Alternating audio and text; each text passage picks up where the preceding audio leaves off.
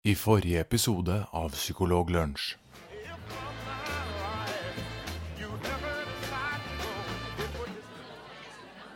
Ok, ok. Da er vi omsider eh, klare. Veldig bra. Eh, dette, Vi snakket litt om det i stad. Det er jo aller første gangen vi har eh, podkast live. Eh, ah, så bra. Og det er aller første gang at vi har podkast med buksene på. Det er også veldig bra.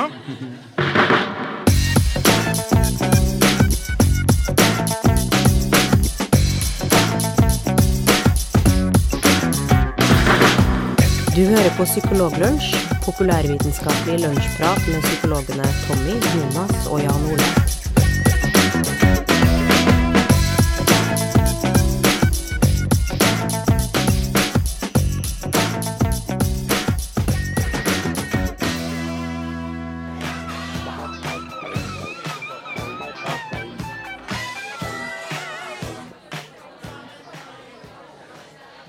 Ok.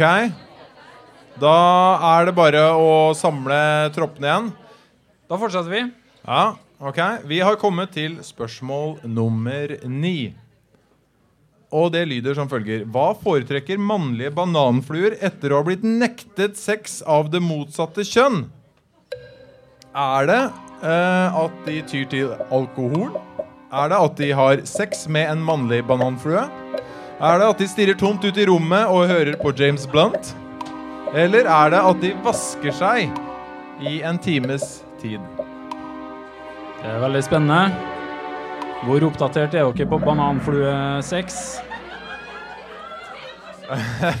Det har seg nemlig sånn at eh, de tyr til alkohol. Vi skal se stillinga først. Det er Pavlov fortsatt. Og det har seg sånn at uh, de her uh, bananfluene de, det, de, det de her forskerne gjorde, de, de tok eh, to grupper med bananfluer. Og så eh, den ene gruppa tok, den, tok det delte opp i mindre grupper. Så det var ganske få mannlige bananfluer som da ble satt i et glass med massevis av kvinnelige, altså kvinnelige bananfluer som var klar for å ha seg. Eh, så det ble masse, masse sex. Bananfluesex. Og den andre halvdelen hadde man også i da min, De ble gruppert i, små, eh, i, i mindre grupper med mannlige bananfluer, som da ble satt i glass med én eneste kvinnelig bananflue som akkurat hadde hatt sex. Som ikke hadde lyst på mer sex, og som sa nei takk. Og eh, de lot de være i de her glassene i fire døgn, som da er 10% av livslengden til en bananflue. Så da ble det enten fire døgn med heftig bananfluesex eller fire døgn med veldig mye nei. Jeg vil ikke. Og så lot de de få eh, muligheten til å spise mat, og da hadde de enten mat, vanlig bananfluemat eller bananfluemat dynka i alkohol. Og da viste det seg at de som hadde blitt nekta sex, de drakk fire ganger så mye alkohol. Uh, og det, det kommer oppfølgingsstudier hvor de da sammenligner bra og dårlig sex også. Uh, hvor de vurderer om de har hatt god og dårlig sex. Og også hvor det er muligheten til å ta en kald dusj og ligge i fosterstilling uh, inne i det glasset. Så det er underveis nå. Og da er det sånn bitte, bitte, bitte små bokser med iskrem også. Som man kan Ja, eh, Ben Jerry's iskrem. Man kan velge Eh, enten alkohol eller Ben Jerry og ligge i dusjen og og gamle, gamle episoder av The OC og Ja. sånne ting. ikke sant? Eh, kommer de også til å få muligheten til å se. Da er dere oppdatert på bananfluesexen. Ja, eh, Spørsmål eh, nummer ti. Vi har fått, eh, fått eh, en kollega til å eh, stille det spørsmålet. Hei, Psykologidagene. Eh, hyggelig å se dere. Eh, jeg har et lite spørsmål da, som jeg lurer på om dere kan svare på. Og det er som følger. Hva er papafobi frykten for? Er det A. Fedre. B. Paven. C. Pappkartonger. Eller D. Krabber. Ok? Det var Petter Skjerven der. som skal hjelpe oss med neste spørsmål.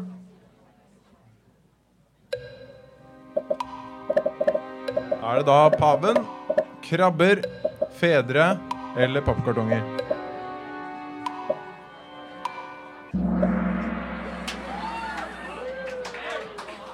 Ja Det var det noen som uh, riktig, eller som hadde hørt om uh, før. Det har seg sånn Ja, Pavlov eh, leder fortsatt. Det har seg uh, sånn at uh, papafobi det er uh, frykten for paven. Men det finnes uh, og, det, og, det, som jeg umiddelbart tenker på da, er at veldig mange av de fobiene som vi hører om, som er veldig rare, finnes nok egentlig ikke. Ikke i, i hvert fall stor utbredelse. Og de er der egentlig mer som et resultat av at det går an å kombinere en del greske og latinske navn med fobi. Så du bare legger på det etterpå. Hvis dere går inn på Wikipedia-siden over forskjellige fobier, så står det så mange rare fobier der at det er den eneste logiske konklusjonen. Og jeg tenkte at papafobi også uh, var det.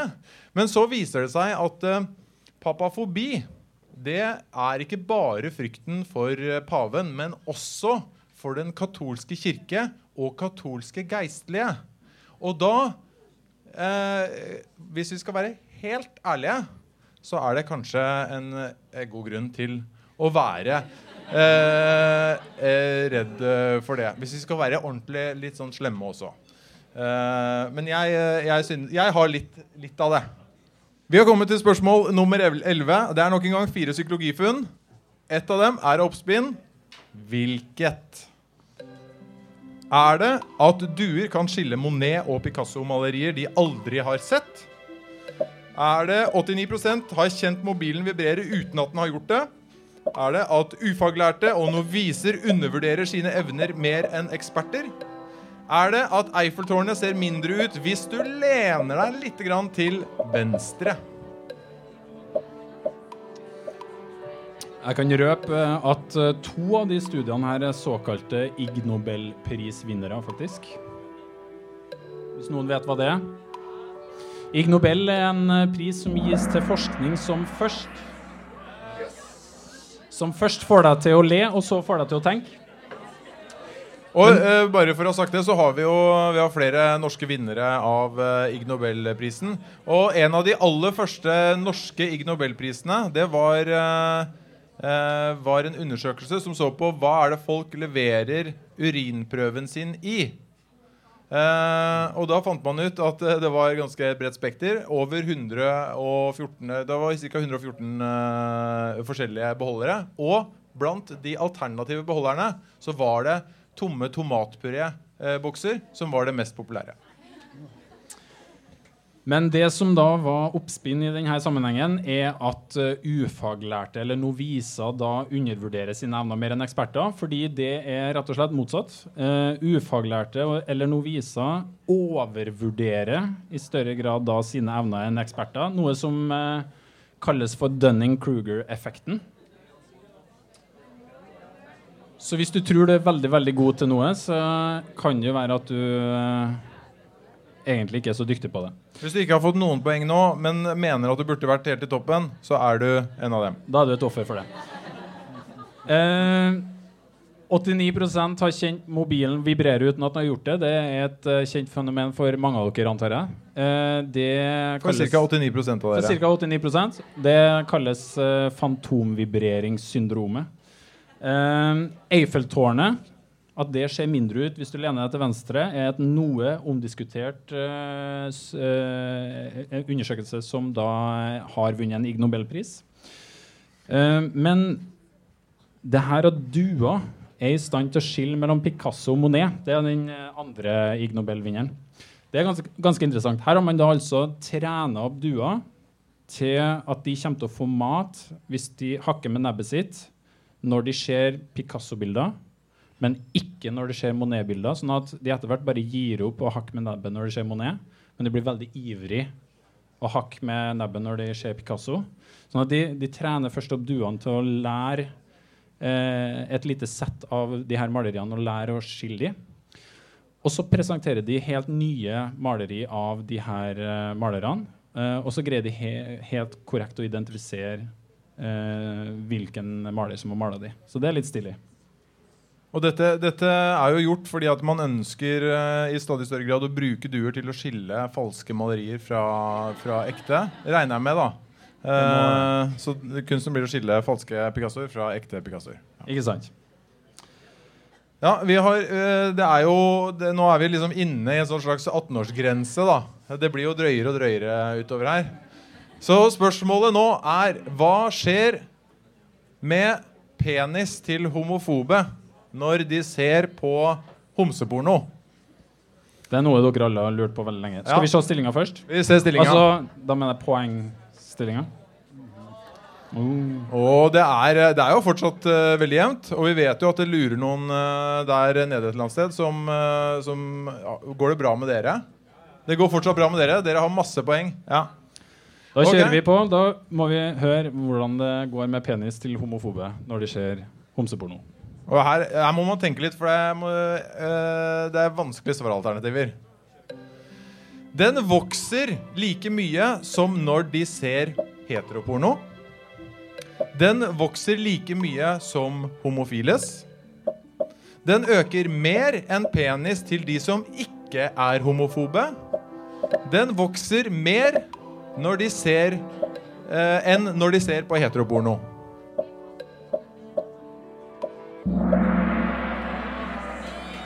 Svaret er at den øker mer enn penis til de som ikke er homofobe. Ok, og denne studien her må vi Det er mye, mye å si om denne studien. Uh, ja, jeg skal si det. Jeg skal si det. Ok. Uh, det aller første man må kommentere når man hører om den studien her, er jo uh, altså Man må se for seg den ble, gjort, den ble publisert i 1996. er jo, altså Man må se for seg innsalget til den forskeren som skal, øh, skulle lage den øh, studien. Først når de skulle til instituttstyreren på universitetet Ja. og selge inn eh, det her. Ikke sant? Ja. Så da blir det jo, må man jo si Nå, nå, skal jeg, nå skal jeg si noe, og du må høre på meg i minst fem minutter. Det, la meg få snakke ferdig. Vi, For det første så trenger jeg penger til å kjøpe inn porno. Det er det aller første jeg må gjøre. Jeg trenger heteroporno, og jeg trenger homseporno. Eh, og så trenger jeg en del folk som jeg har lyst til å stemple da som enten ikke-homofobe eller homofobe. Og så Vent. Vent litt. Vent. Så trenger jeg penger til eh, eh, noen eh, sånne greier som måler omkretsen på ting. Eh, som, eh, som jeg vil, vil at de menneskene som vi har invitert til å delta på dette, får på, på, på penis. Det er, mener det. Og så vil jeg at de skal sitte og se på, på porno. Og så skal vi måle hva som skjer for noe. Og så har jo da denne instituttlederen antageligvis sagt ja, for han hørte noe annet. Det har gått litt fort, ikke sant? Så har du sagt ja. Men i hvert fall så var dette da studien som ble gjennomført. Og her har vi da hva som skjedde da de ikke-homofobe og de homofobe så på heteroporno. Eh, da eh, så man Det er altså tid bortover her og omkrets eh, her. Det er antageligvis meter, de tallene som står her. Pluss minus eh, et eller annet. Og det man ser da, dette er da kurven til de som ikke er homofobe. Men da sitter de der altså i laboratoriet og ser på pornografi med ledninger som går inn mot underlivet. Og så skjer dette. Og de homofobe, der skjer ca. det samme. Men det var ikke det som var spørsmålet. Spørsmålet er hva, hva er det som skjer eh, når de ser eh, homseporno. Og her har du da kurven til eh, de som ikke er homofobe. Eh, og her har du kurven til de som er homofobe. Nå er det jo mulig å, å kritisere denne studien, fordi spørsmålet er hvor. For dette er jo informert samtykke. Det var på 96, da. Hvor homofob er du egentlig når du melder deg på en studie hvor du får vite at du skal sitte og se på eh, homseporno med eh, elektroder kobla til eh, penis? Og folk med lupe rundt. Og Ja, det kan man, jo, man kan jo lure på det, da. Eh, eh, også i tillegg eh, så er jo forskjellen ikke sånn kjempestor, selv om jeg har latt det som at den er kjempestor der. Så det er var den studien eh, fra 96. Den kommer til å bli presentert på Typisk deg på TV Norge om ikke altfor lenge. Jeg kan, si, eh, jeg kan jo si, mens dere prøver det, så kan jeg jo si noe om hvorfor man i det hele tatt eh, har gjennomført eh, denne studien. Så er jo, stammer jo det delvis eh, helt tilbake til eh, gode gamle Sigmund Freud, som eh, mente eh, at eh, at eh, undertrykte aggressive tendenser overfor homofile også var et resultat av at man hadde disse impulsene selv. Så det har vært en eh, kjent teori innenfor psykoanalytiske miljøer veldig lenge. Så derfor ble det undersøkt. Det var ikke helt uten grunn at man gjorde det. Det var ikke bare så vi kan stå her og snakke om det. fall. Og, og det fenomenet ble jo filmatisert i serien Syv søstre eh, på TV 2 i 92. Eh, for oss som er 30 år, så husker vi på det. Altså godt over 30. Jeg, jeg tok ikke den referansen. Syv søstre det er jo en klassiker i norsk filmhistorie, eller seriehistorie. Du var så, du var så hipp og inn at du så Fresh Prince in Bel-Air. Fresh Prince in Bel-Air. Mm. Ok. Spørsmål eh, nummer 13. Vær hilset, psykologer. Dette er Ole André Sivertsen. Og jeg har eh, nær sagt som vanlig fordypa meg i fylla også på dette spørsmålet her. Det skal handle om fenomenet som alle oss ja, middels til mindre pene gutta drømte om at pene damer skulle få, nemlig ølbriller. Alkohol eh, gjør jo at enkelte kan få ølbriller. Men hva er det egentlig som er årsaken til at det oppstår? Er det en kun at alkoholen gjør at vi får dårligere vurderingsevne og evne til å eh, si, ikke se konsekvensene av det vi, vi utfører? Er det to en tilleggsdimensjon til dårlig vurderingsevne? Og det er at vi ikke er i stand til å se asymmetri i ansikter. Symmetriske ansikter blir jo gjerne oppfatta som eh, si, penere enn asymmetriske. Og med alkohol innebords så blir det da ikke så lett å se om et ansikt er ja, pluss minus i asymmetri eller symmetri, dvs. Si upenhet eller penhetsgrad. Eller er det alternativ tre? Alkoholen påvirker viskositeten i øyeeplet, som igjen påvirker linsa, og gjør at alt vi ser, er i ufokus. Eller er det alternativ fire? Alkoholen gjør ingenting fysiologisk. Den gir oss kun et alibi til å oppføre oss annerledes eller dummere enn det vi ellers ville ha gjort. Hva tror dere?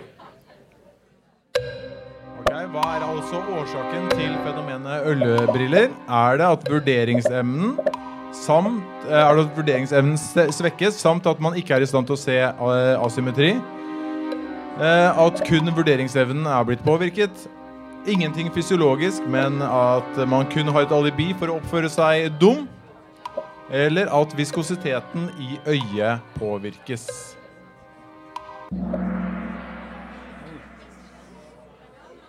Ja, mange som greide den. Da er det sånn at Pavlov fortsatt er på topp. Det er veldig bra. Ja, det var altså, det var altså asymmetrien eh, som eh, var svaret. Eh, og nå har vi ikke Ole her til å fortelle noe mer om det, og vi vet ingenting om det selv heller, men det er altså det som er tilfellet. Og for de av dere som så programmet til Ole, eh, som også er det, er altså, det som er felles for disse tre vi har fått med her, da, er jo at eh, Teddy TV har laget programmer med de. Så det er de samme eh, som har laget programmene til Petter, til Andreas og til Ole. Og de samme, da mener jeg Eh, og eh, det gjorde vi der også. Vi lagde en undersøkelse som, eh, viste, eh, som bygger på en tidligere undersøkelse som viste at eh, det er asymmetri man blir dårlig til å vurdere når man eh, er full. Det jeg tenkte på da, er at det helt sikkert finnes mennesker der ute som er litt utfordret på asymmetri, altså identifisere asymmetri og symmetri i edru tilstand også. Akkurat som det er folk som er dårlige til å huske ansikter, så finnes det helt sikkert noen som er dårlige til å vurdere det. Og det betyr jo da i prinsippet at man har kontinuerlige ølbriller. Og at det ikke finnes en støtteordning og noen støttegrupper for de menneskene, det har jeg ingen forståelse for. Tenk det. Du kommer til å ende opp med en partner antageligvis da, som andre vurderer som andre liksom brekker seg nesten over. Eh, og så tenker du Lever du i Du tror at du er innafor. Er tier. Ja. Så er det en velsignelse eller en forbannelse. Det er litt vanskelig å si, egentlig. Men permanente ølbiler det finnes antageligvis. Spørsmål nummer 14. Her kommer fire-seks problemstillinger som er eh, undersøkt. Altså, Det er tre av dem som er faktisk er publiserte, og en av dem er oppspinn. Nå nærmer vi oss eh, slutten her, altså. Tre spørsmål igjen, inkludert dette. Hvordan påvirkes nettkjøp av nettpornobruk? Stimulerer fosteret seg selv? Påvirkes seksuelle holdninger under onani? Øker sokker sannsynligheten for kvinnelig orgasme?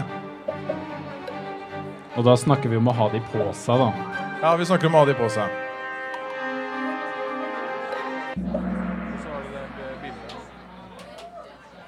Ok. Vi registrerer at det er åpenbart en del som har eh, falt ut. Det er veldig beklagelig. Men uh, dere kan trøste dere med at det er bare to spørsmål igjen, og så er det fest her. Pavlov leder fortsatt. Men ikke mer enn at det er fullt mulig at dette snur.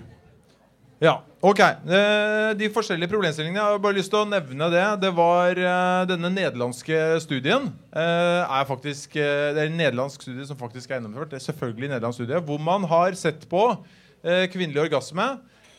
Kvinner ble invitert inn, ligge i en MR-maskin, og så var partneren med og stimulerte. Sørget for at det ble en orgasme. Og det man fant som et biprodukt av det, var at når kvinner fikk på seg sokker, så var det vesentlig enklere eh, å få orgasme. Så kan det jo være, hvis du føler at du har et eh, dårlig sexliv, ting ikke går helt veien, så kan det jo være det som er eh, avgjørende. Og det er selvfølgelig gjennomført i, eh, i Nederland. Eh, og så eh, kommer vi til den som vi skal si litt grann Nettpornobruk var eh, selvfølgelig eh, eh, Ja, Ja, om var- fosteret stimulerer seg. Ja, det, det var studien om fosteret stimulerer seg sjøl. Og det må jeg ærlig talt eh, si at jeg ikke leste så veldig nøye. Men eh, det finnes i hvert fall en publikasjon på det. Hvorvidt fosteret stimulerer, stimulerer seg sjøl i Det er jo strengt tatt ganske kjedelig inni der, så Og jeg tror, det, jeg tror faktisk det handler om at uh, fosteret driver på med navlestrengen sin. Altså, altså at det ikke Kanskje ikke en sexproblemstilling eh, egentlig heller. Hvordan, hvordan gjorde du det igjen, sa du? Ja, hva- Ja, hvordan nei, gjorde du det, Jonas? det- Jeg lar det være til fantasien, altså. Det var veldig, den satt veldig lett inne, den bevegelsen der, eh, Jonas. Helt, helt der oppe. Det her gjør seg dårlig på radio eller på podkast. Veldig, eh, veldig dårlig. Det er du som skreddergir. Ja, Vi skal legge ut bilder av det og video. Men uh, denne hovedstudien her er uh, ganske interessant. Dette er da Dan Ariely, som vi har nevnt flere ganger i dag, som åpenbart gjennomfører studier vi i Psykologlunsj liker. Han søkte etter eh, 18 år gamle eller studenter som var over 18 år gamle, heteroseksuelle. Eh, a study of decision making, som han omtalte det. Og det han eh, ba om, var egentlig i første runde eh, Kan dere svare på noen problemstillinger knyttet til sex? Noen holdninger til sex. F.eks.: Er det sånn at kyssing bare er frustrerende? Eh, ville du ha fortalt en kvinne at du elsket henne bare for å øke sjansene for sex? Kunne det vært gøy å binde fast din seksualpartner? Ville du ha fortsatt å forsøke å ha sex etter at daten din sa nei? Eh, ville du ha dopet en kvinne for å øke sjansene for sex? Eh, sånne helt eh, dagligdagse problemstillinger. Og det man så, var jo at dette var MIT-studenter, så de svarte akkurat som forventet. Dette var på en skala fra 0 til 100, da, hvor eh, 50 var liksom ansett som ja, kanskje. Og så 100 var helt garantert. Så kyssing var frustrerende? Nei. Jeg liker faktisk det. Jeg syns det er koselig. Uh, og uh, ikke så opptatt av å dope partnerne sine. Er Veldig bra. Veldig, veldig bra. Uh, men denne studien var todelt. Eh, så i tillegg til å søke etter disse 18-åringene, så ble det også kommentert da, at eksperimentet muligens inneholder eh, opphissende materiale. Og det som skjedde, det var at deltakerne i del to fikk med seg en laptop hjem. Og den laptopen hadde plastfolie rundt eh, tastaturet. Eh, og da når de åpnet den, så fikk de se pornografisk materiale. Og da ble de bedt om å, eh, med piltastene, angi hvor opphisset de var. Eh, og idet de kom opp til 80% så dukket alle spørsmålene opp på nytt igjen. Så da fikk de Ville du ha fortsatt, selv om hun sa nei? Og da må du angi det, da. Ja, ja kanskje, kanskje jeg ville det. Eh, og Så de måtte holde seg på 80% opphisselse. Hvis de gikk ned på det, så forsvant spørsmålene igjen. Og hvis de skulle nå 100 opphisselse, eh, også det som skjer da, da måtte de trykke på tab-tasten. Da ble det avslutta, eh, denne studien. Så da måtte de begynne igjen senere. Og plastfolien ble bytta ut. Ja, da må du bytte til plastfolien. Dette var opprinnelige resultatene. Og så var dette resultatene når de var 80 eh, opphisset. Og det er jo, Man kan også stille seg spørsmålet her, hvordan fikk man eh, gjennom dette. Men jeg synes det er superinteressant og sier noe om selv, altså selv sånne ting som holdninger og verdier som vi vurderer å være som en ganske stabil del av vår personlighet, er noe som påvirkes av følelsene våre. Og dette her var tross alt MIT-studenter som sitter og er del av et eksperiment og vet det og er 80 opphisset. Da kan man lure på hvordan det er når man er litt sånn ordentlig god og full, uh, helt alene. Uh, så vil jeg tro at det gjør enda mer med dette. Vi har kommet til spørsmål nummer 15. Nest uh, siste spørsmål. Og spørsmålet det er hvilket av disse prisvinnende verkene som dere skal få se nå, er ikke laget av dyr? Er det da A, B, C eller D?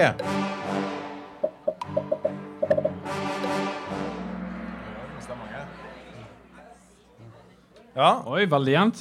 det er veldig Det er så gøy å se at vi, vi begynner med nesten 40 deltakere, og nå er det 13. Eh, hva skjer med internett? We have broken the internet. Yes. Skal vi se eh, hvordan det ligger an først? Pavlov gjør det sterkt, altså. Pavlov eh, Kan vi, leder kan vi fortsatt. få identifisere Pavlov igjen? Hvor er Pavlov? Der er Pavlov. Uten internett. Det er jo eh, ganske spesielt. Ok, Spørsmålet var altså hvilket av disse verkene som eh, eh, ikke var laget av dyr. Og eh, svaret vet vi allerede. Det er eh, dette som er laget av mennesket. Jeg kan fortelle noe om det her. Dette er en vott som er revet i stykker av eh, en hund. Og som ble klistret opp og presentert på en, eh, på en eh, kunstutstilling. Og vant da prisen for beste, beste kunstverk eh, der. Og den hunden reiste da senere også rundt eh, på forskjellige utstillinger og ble hyllet. Og selvfølgelig, det som selvfølgelig skjedde, var at eh, kunstkritikerne som så på dette fantastiske verket, pekte på denne tommelen som var sånn passe hel, og mente at dette var et klart fallossymbol, og at det, det var en viktig del av tolkningen av det verket. Eh, men eh, aller eh, mest kjent er denne karen her. Pierre Brassau ble han presentert som. En fransk avantgarde-kunstner som på 70-tallet stilte ut verkene sine i Stockholm. eh, og som fikk veldig mye ros fra forskjellige kunstkritikere her. Beskrives han da som at han breder på med kraftige tag, men også med klar berekning. Man skulle ville si at hans eh, penseldrag vrider seg med en eh, villsint kresenhet på duken. Eh, og det ble også beskrevet at han eh, malte fast og bestemt, men likevel med elegansen til en ballerina. Eh, de kunstkritikerne skammet seg nok litt da de fant ut at det var denne sjimpansen her som hadde ansvaret for det verket. Aller, aller siste spørsmål. Hva skjer med selvmordsraten i europeiske land i de årene det er store fotball, eh, fotballmesterskap, altså VM eller EM? Er det sånn at den synker det året det er EM eller VM? Er det sånn at den øker under mesterskapet, så går den tilbake? Fall, er, er det sånn at den faller under mesterskapet, så går den tilbake? eller øker den det året det er mesterskap? Og bildet som dere ser der, er da vinnermålet eh, fra VM i fjor sommer. To, én Det er faktisk sånn at den synker det året. Selvmordsraten synker det året. Og eh, dette er da en undersøkelse som er gjort av noen eh, briter. Eh, og de har sett eh, da på eh, hva som skjer i årene hvor eh, det er EM og VM, og funnet ut at den faller i de årene. Og den faller ganske mye også. Her har de anslått da hvor mange liv som spares i de årene hvor det er EM eller eh, VM. Og det interessante er at man kan jo tenke seg at eh, det må handle om eh, at lagene At man har noen følelser for lagene, og de ryker ut, og så blir man eh, så, eh, At man bare gleder seg over å se laget sitt eh, spille fotball. Men det vet vi at det ikke stemmer, for Norge er jo aldri med i noe mesterskap. Og likevel så spares det, eh, spares det liv her. Og så er Tilstanden i Nederland er litt annerledes. De, de eh, får en negativ eh, utvikling der. Det var det aller siste spørsmålet. Nå har vi eh, kommet til å ha en eh, vinner. Er vi spente? Ja? Nå får vi se. Ja, det ble Pavlov. Utlogga Pavlov. Veldig bra jobba. Dere skal få premien deres snart. Jeg skal bare spørre, Dere var ikke pålogga nå i, mot slutten? Og det var sikkert ikke dere heller? Og sikkert ikke dere? Og kanskje ikke dere. Ok, greit. Ja, ja, veldig bra. Perfekt. Eh, fredag den 13. Eh, skal vi ta og finne fram eh, Vi må få opp eh, en representant, eh, i hvert fall. Ja, hele laget. Få opp hele laget. Kom igjen. Ja, ja.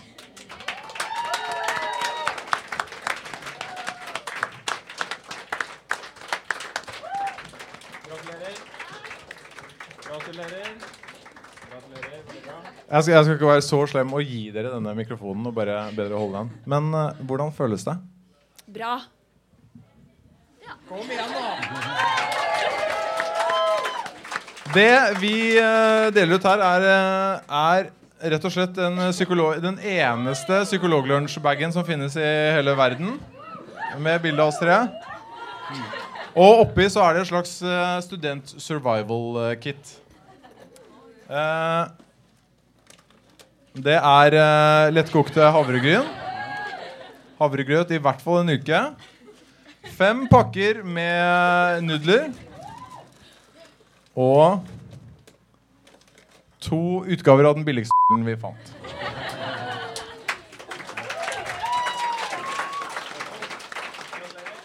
Da er det sånn at uh, quizen og det første liveopptaket av Psykologlunsj nærmer seg slutten. Vi er straks, straks ferdig. Men aller først, før vi gjør det, så har vi veldig lyst til at uh, alle sammen som er her i dag, skal gi uh, Altså, psykologidagene uh, er jo et fantastisk konsept. Og ganske imponerende arbeid som ligger bak her, eh, de her dagene. Så vi har veldig lyst til å høre om eh, styret som har stått bak denne dagene, har lyst til å komme opp på scenen en tur. Som har gitt oss det som kanskje er landets beste psykologiarrangement. Helt sikkert. En stor applaus.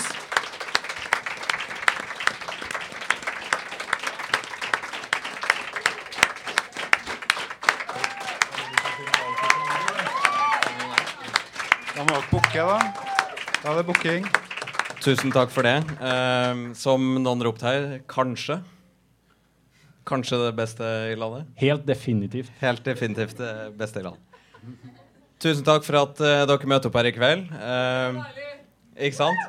Eh, tusen takk til hele styret, alle de frivillige som har vært med og jobba. Dere som kom på dagene. To dager. Vi har jobba med det nesten et år. Det kommer til å bli et utrolig stort tomrom å fylle. Jeg håper dere kan hjelpe oss med det. Men eh, tomrommet skal ikke få fylle dere helt ennå, for nå er det ferdig, og nå er det fest. Fest.